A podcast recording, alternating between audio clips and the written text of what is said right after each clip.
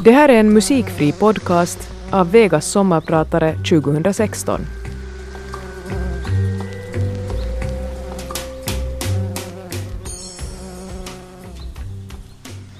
Hösten 2013 satt jag i en jury inom Svenska Österbottens ungdomsförbund. Vi skulle utse årets Johannespristagare, årets aktivister, årets amatörskådespelare och så vidare. Vi hade flera goda förslag till olika priskategorier som vi skulle diskutera. Jag är ofta en ivrig deltagare i de diskussioner som jag medverkar i. Mitt i mötet ringde min telefon. Jag steg upp och gick ut i ett annat rum för att ta samtalet. Det var min arbetshälsovårdsläkare som jag hade besökt tidigare under dagen. I samband med en rutinmässig hälsokontroll hade jag bett honom att undersöka en liten hårdhet. Han hade sänt mig på ultraljudsundersökning för säkerhets skull. Nu var han mera sammanbiten. Akutremiss. Vi hör av oss. Jag gick tillbaks in i mötesrummet. Fortsatte att diskutera pristagarkandidater. Vi utsåg pristagare. Jag har ingen aning om vem som utsågs. Jag har heller inget minne kring vad som diskuterades. På kvällen var jag rätt sent ensam hemma med våra två barn, då tio och sju år gamla. Jag lagade mat, hjälpte till med läxläsning, borstade tänder, läste godnattsaga, gick på autopilot med ett barn på var arm i mysig sovrumsbelysning. Jag trodde att mitt liv var slut. Mitt namn är Håkan Omars och jag är sommarpratare idag. Jag föddes i Kronoby 1972. Jag är 44 år. Mitt i livet. Mitt i livet. Ja, så ser väl de allra flesta på den här åldern. Att vi 40-plussare är mitt i livet. Att halva livet är levt och att hälften återstår. Det bästa är ännu kvar, eller? Vi planerar för allt det som vi ska göra sen. Sen, senare, i livet. Vi har alldeles på klart för oss hur vi ska förvalta vårt liv längre fram. Alla djärva vägval vi ska göra. Hur vi ska ägna oss åt allt det som vi brinner för av vårt hjärtas lust. Om tio år är allt annorlunda. Sen, vid sidan av vårt alldeles självklara utgångsläge, att alla våra planer går som på räls och att vi kommer att landa just där vi själva har planerat, kan vi se våra medmänniskor, de andra, drabbas av kriser. Somliga skiljer sig, mister en partner, ett barn, sitt jobb, sitt eget liv. Inte jag, eller hur? Inte jag. Samma kväll när barnen hade somnat ringde jag till en barndomsvän som är professor i onkologisk kirurgi. Jag berättade om min diagnos och han lyssnade och berättade. Han förklarade. Gav mig kunskap. Han avrådde mig att googla runt. Framför allt avrådde han mig att samla min kunskap på diverse diskussionsforum på nätet. Ifall jag ville läsa på gav han mig adresser till trovärdiga webbsidor. Efter vårt samtal hade jag lärt mig att nästan alla som får den här diagnosen blir återställda och tillfrisknar. Den veckan som följde gick allt i superfart. Jag tror inte att jag hängde med alls i svängarna. Lika så bra. Jag gick på specialistundersökning på en onsdag. Vi opererar på fredag. Vilken lättnad. Bort, bort med knöljäveln. På fredag morgon vid sjusnåret infann jag mig på sjukhuset. Kav lugn. Man sövde ner mig. Jag vaknade ur narkosen några timmar senare. Allt hade gått bra. Klockan 13 låg jag hemma i tv-soffan och undrade vad som hade hänt. Veckorna och månaderna som följde gick jag på en mängd uppföljande kontroller. Jag vänjer mig aldrig med datortomografi. Det är alltid lika skakigt.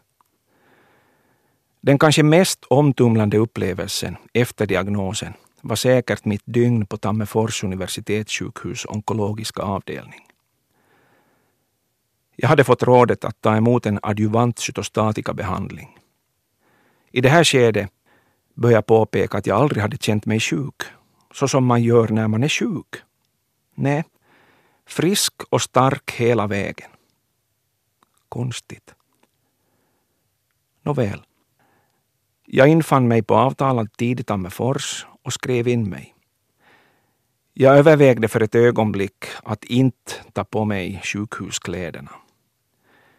Det är konstigt med de där kläderna som patienter ska klä på sig på sjukhus.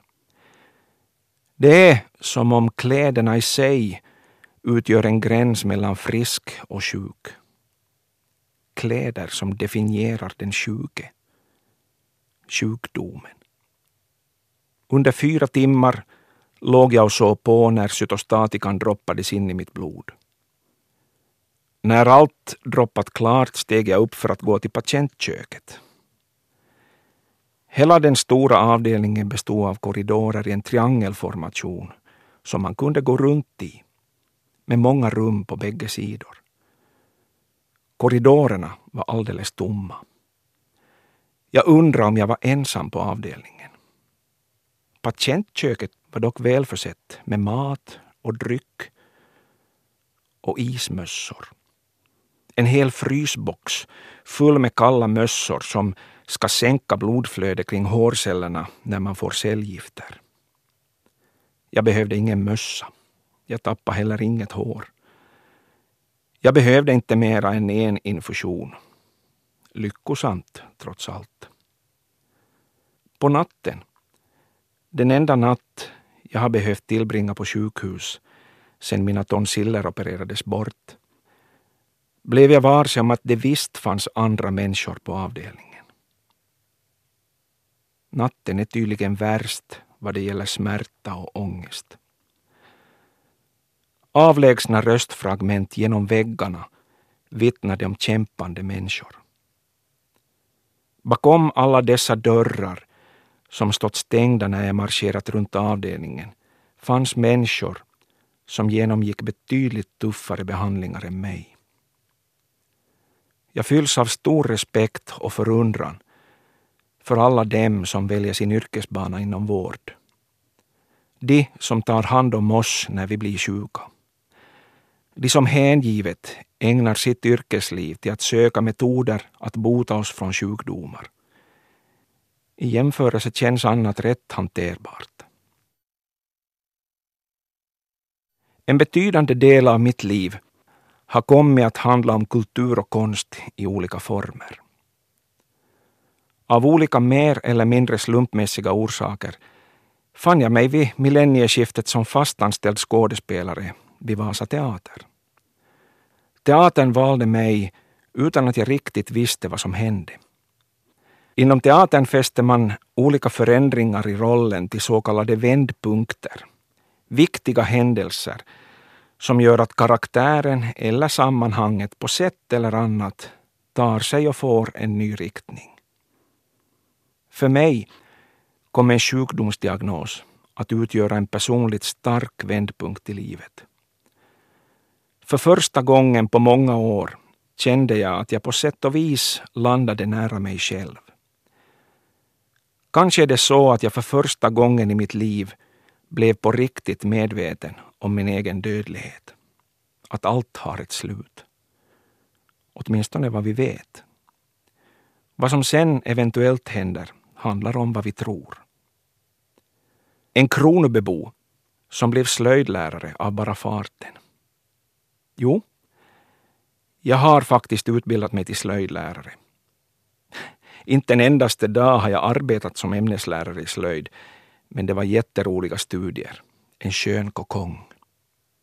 Jag har arbetat i cirka fem år som lågstadielärare. Men efter det har det mesta handlat om annat. Idag är jag huvudsakligen regionombudsman inom Svenska kulturfonden. Eller nej, jag är inte huvudsakligen det. Jag arbetar som regionombudsman. Arbetet definierar inte mig mer än så. I alla fall inte i mina egna ögon. Hur andra människor väljer att definiera mig är helt enkelt deras egen sak. Vem jag är och var min passion ligger är en annan sak. Min sak. Hela mitt liv har fyllts av musik. Ibland bara i utkanten, någonstans ute i periferin. Men ständigt oerhört närvarande. Den här ultimata konstformen som på ett så sofistikerat sätt lyckas inrymma hela livets dynamik i sitt uttryck och i sin terminologi. Min bror sammanfattade hela redan som liten när han fick sitt första instrument, en blockflöjt. Det är konstigt med musik. Man kan spela både när man är glad och när man är ledsen. Kan ett förhållande bli mera passionerat och samtidigt så enkelt och okomplicerat? Vad det sen är som gör att livsspåret leds in på andra banor, ofta bort från passionen, från centrum, är intressant.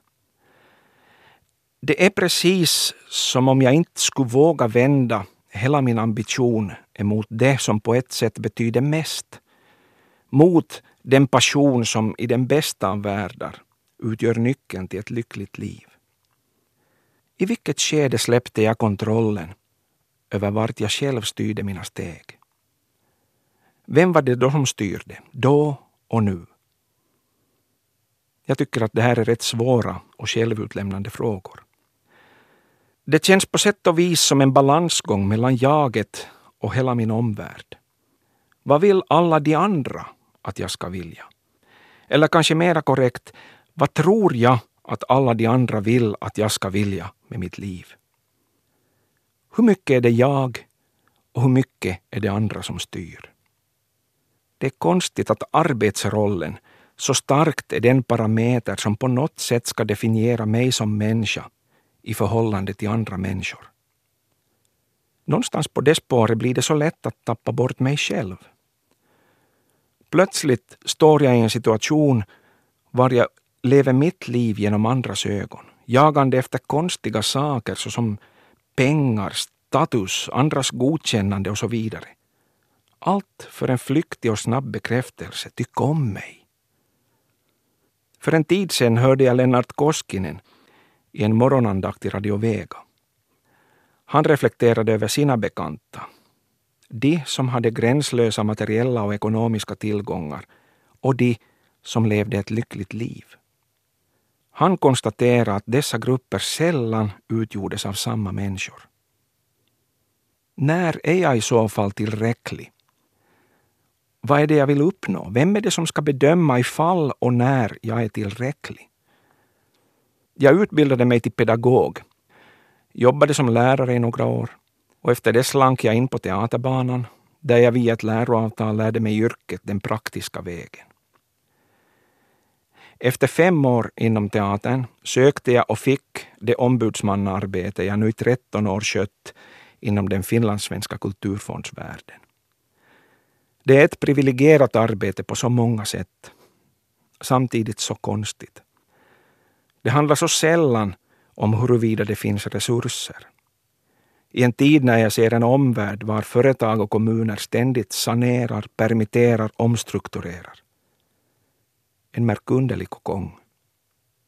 Under de flesta år i arbetslivet har jag hållit ett årligt utvecklingssamtal med mina chefer för att diskutera mig och mitt förhållande till mitt arbete.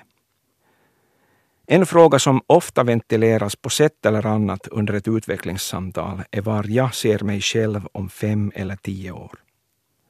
Jag antar att de allra flesta av oss i något skede har fått den frågan ställd. Jag närmar mig, Gud förbjude, snart med stormsteg 50 årsstrecket Och nu kommer nästa växel rörande den här framtidsfrågan. Många menar tydligen att ett sista arbetsbyte borde ske senast kring 50. Detta i linje med en framgångsrik karriärplanering. Det vill säga om man vill bli någonting. Ja, när är man något? Någon. När man har en hög lön? När man är chef? När man äger inflytande eller makt över andra människor? Är makt någonting som definierar mig på ett alldeles speciellt sätt? De höga hästarna? Vad menas? Någonstans mitt i det här oerhört arbetsfokuserade partiet av livet kom den. Vändpunkten. Vägskälet som oväntat och oförberett skakade om mig. Som slet upp rötterna ur en gammal mylla och tvingade mig att skaka ur rötterna och plantera dem i en ny livgivande näringsrik mylla. Fyller jag mitt liv tillräckligt mycket med de saker som ger mitt liv engagemang, innehåll och mening? Om jag får leva ett tillräckligt långt liv så att jag upplever slutet av den arbetsföra delen av livet, vad vill jag då blicka tillbaka på? Jag insåg att jag inte vill stiga in i min ålderdom och konstatera att visst var det goda år på många sätt, men jag gjorde aldrig tillräckligt mycket av det som jag mest älskar att göra. Jag försökte inte ens. Jag insåg att alldeles för många toner hade tystnat. När jag såg omkring mig såg jag mina bekanta och vänner som i och för sig slet hårt, men som satsade allt på att försöka hitta just sin skatt vid regnbågens fot. När jag skrev studenten i det lilla landsortsgymnasiet hade mitt liv varit skyddat och bekymmersfritt. Vad vill du bli? var det ingen som egentligen frågade mig. Åtminstone inte på ett sätt som skulle ha sjunkit in i mig eller som skulle ha tvingat mig att tänka över vartåt jag skulle vända mig för att få så mycket sol som möjligt i ansiktet. Förstå mig rätt, jag klandrar ingen. Vår handledare i gymnasiet hade säkert noll resurser att ägna särskilt mycket tid åt enskild och fördjupad diskussion rörande våra framtidsdrömmar.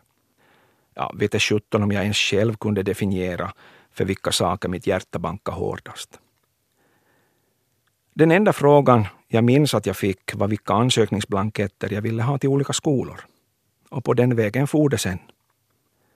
Jag har vuxit upp i en fantastisk familj och jag är oändligt tacksam för en rik och lycklig barndoms och ungdomstid. Även om varken mamma eller pappa just då var särskilt aktiva inom kulturens områden hade de en fantastiskt bred syn på kulturens och konstens betydelse för oss när vi växte upp. De stod kanske inte alltid vid sidan av fotbolls eller ishockeyplanen när jag försökte mig på de här idrotterna. Men de uppmuntrade mig alltjämt till att försöka på det som jag ville. De krävde inte alltid att själva förstå. När jag och min bror ville spela instrument hade mina föräldrar alltid den inställningen att det i så fall ska finnas instrument i huset. Och på något sätt såg mamma och pappa alltid till att vi hade de instrument som vi ville spela. Fioler, flöjter, trumpeter, saxofon, piano, gitarrer. You name it. Vad gjorde jag då, som blev en så dramatisk vändpunkt för mig? Jag hade genomgått behandling efter en skrämmande och allvarlig sjukdomsdiagnos. Jag hade landat i en situation var existentiella frågor pockade på. Fyllde jag mitt liv tillräckligt mycket med innehåll som engagerar mig och som ger just mitt liv mening? Jag började studera musik. En livslång längtan skulle ges utlopp. På uppmaning av nära vänner sökte jag in till yrkeshögskolestudier inom utbildningsprogrammet för musiker och antogs. Jag fick leta en god stund för att hitta mitt studentbetyg. Jag hade väl kanske inte trott att det skulle behövas mera. Jag hade under några år sakta skapat mera rum för musiken i mitt liv. Av någon outgrundlig anledning har jag alltid fascinerats av jazzen. Kanske just för att den är så svåröppnad inledningsvis. Man förstår inte. Ändå Ändå inser man att det finns någonting klart strukturerat och överenskommet i helheten. Under min uppväxt hade mitt musicerande främst handlat om blues och rock. Också det improvisationsmusik i och för sig, men med en betydligt lättare teoretisk struktur. För att uttrycka det begripbart så är antalet ackord och harmonier man spelar över mera begränsat inom de här genrerna. Samtidigt har jag alltid fascinerats av jazzen och av jazzmusikerna. Jag har alltid njutit av att gå på jazzkonserter. Vad min fascination bestått av, det är svårt att förklara. Men eh, jag antar att det legat just i musikstilens hemlighet. Det improviserade och det komplexa. Varifrån tar musikerna alla dessa twangiga toner i sina solon? Jag förstod inte. Samtidigt som jag visste att musikerna både förstod och kunde.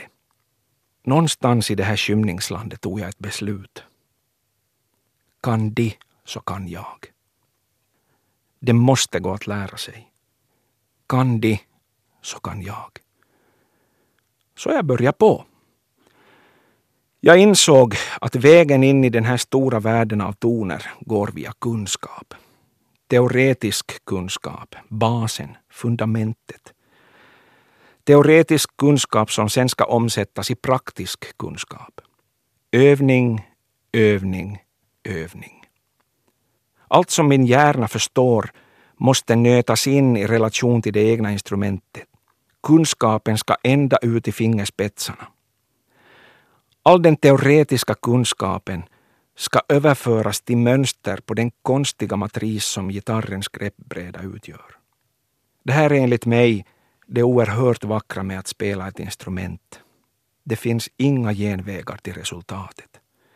Det finns inte en chans i världen att charma sig till resultaten med hjälp av några som helst sociala färdigheter eller nätverksegenskaper. Man kan inte snacka sig till att bli en duktig musiker. No bullshit required. Resultatet är summan av det nedlagda arbetet. Här är resultatet väldigt rättvist. Ju mera jobb jag är villig att sätta ner på mitt instrument, desto bättre kan resultatet bli. Det fantastiska är att bakom varje aha-upplevelse som jag passerar så gömmer sig en ny dörr med nya utmaningar, ännu dolda aha-upplevelser. Utmaningar som jag inte kunnat se innan de tidigare gåtts igenom. På samma sätt märker jag att min relation till min omvärld förändras vartefter jag lär mig mera, när kunskapen fördjupas. Varje gång jag ser och hör en duktig musiker fylls jag av respekt för det arbete som hen satt ner på att nå till sitt resultat. I själva musicerandet finns samtidigt en så fint koncentrerad metaforik för livet och gemenskapen med andra människor. Huruvida musikerensemblen lyckas framgångsrikt har så lite med den enskilda prestationen att göra. Allt bygger på lyhördhet gentemot medmusikanterna. Lyssna, lyssna, lyssna. Att agera och reagera utgående från de omständigheter som omgivningen skapar. Inte enbart utgående från ett ensamt ego. I all sin enkelhet visar musicerandet så fint på de aspekter som utgör grunden för en framgångsrik samverkan med andra människor. Genom att aktivt lyssna på andra människor, deras tonläge, rytm, dynamik och budskap tillåter vi oss själva att förnya vårt eget perspektiv. För ett ögonblick gör vi vårt yttersta att försöka förstå, se och höra omvärlden utgående från våra medmänniskors perspektiv. En god vän till mig gick för en tid sedan på en arbetsintervju för ett arbete inom företagsvärlden. På intervjun fick han lyfta fram sådana egenskaper som han bedömde att gav just honom speciellt goda egenskaper för att vara inom just företagsvärlden. Alla företagare borde i något skede av livet spela i ett band, sa han. Alla möter vi situationer som skakar om oss och som har möjlighet att förändra oss och vår syn på livet. Inom teatern kallas de här situationerna för vändpunkter. Det är lätt att missa sina vändpunkter. Att se möjligheten men ändå välja att inte göra någonting av den. Att skjuta upp det efterlängtade till senare i livet. Att ha öppnat upp och berett mera plats i livet för den egna passionen känns betydelsefullt för min egen del. Att få utvecklas inom ett område som har speciell betydelse för mitt liv både stärker och ger energi för alla andra livsområden. Kan de, så kan jag. Och kan jag så kan du. Carpe diem. Mitt namn är Håkan Omars och jag har varit er sommarpratare idag. Nu ska jag avsluta mitt sommarprat med en av de sysslor som ger mitt liv innehåll. Att spela gitarr. Och med mig har jag min goda vän Ben Bergman.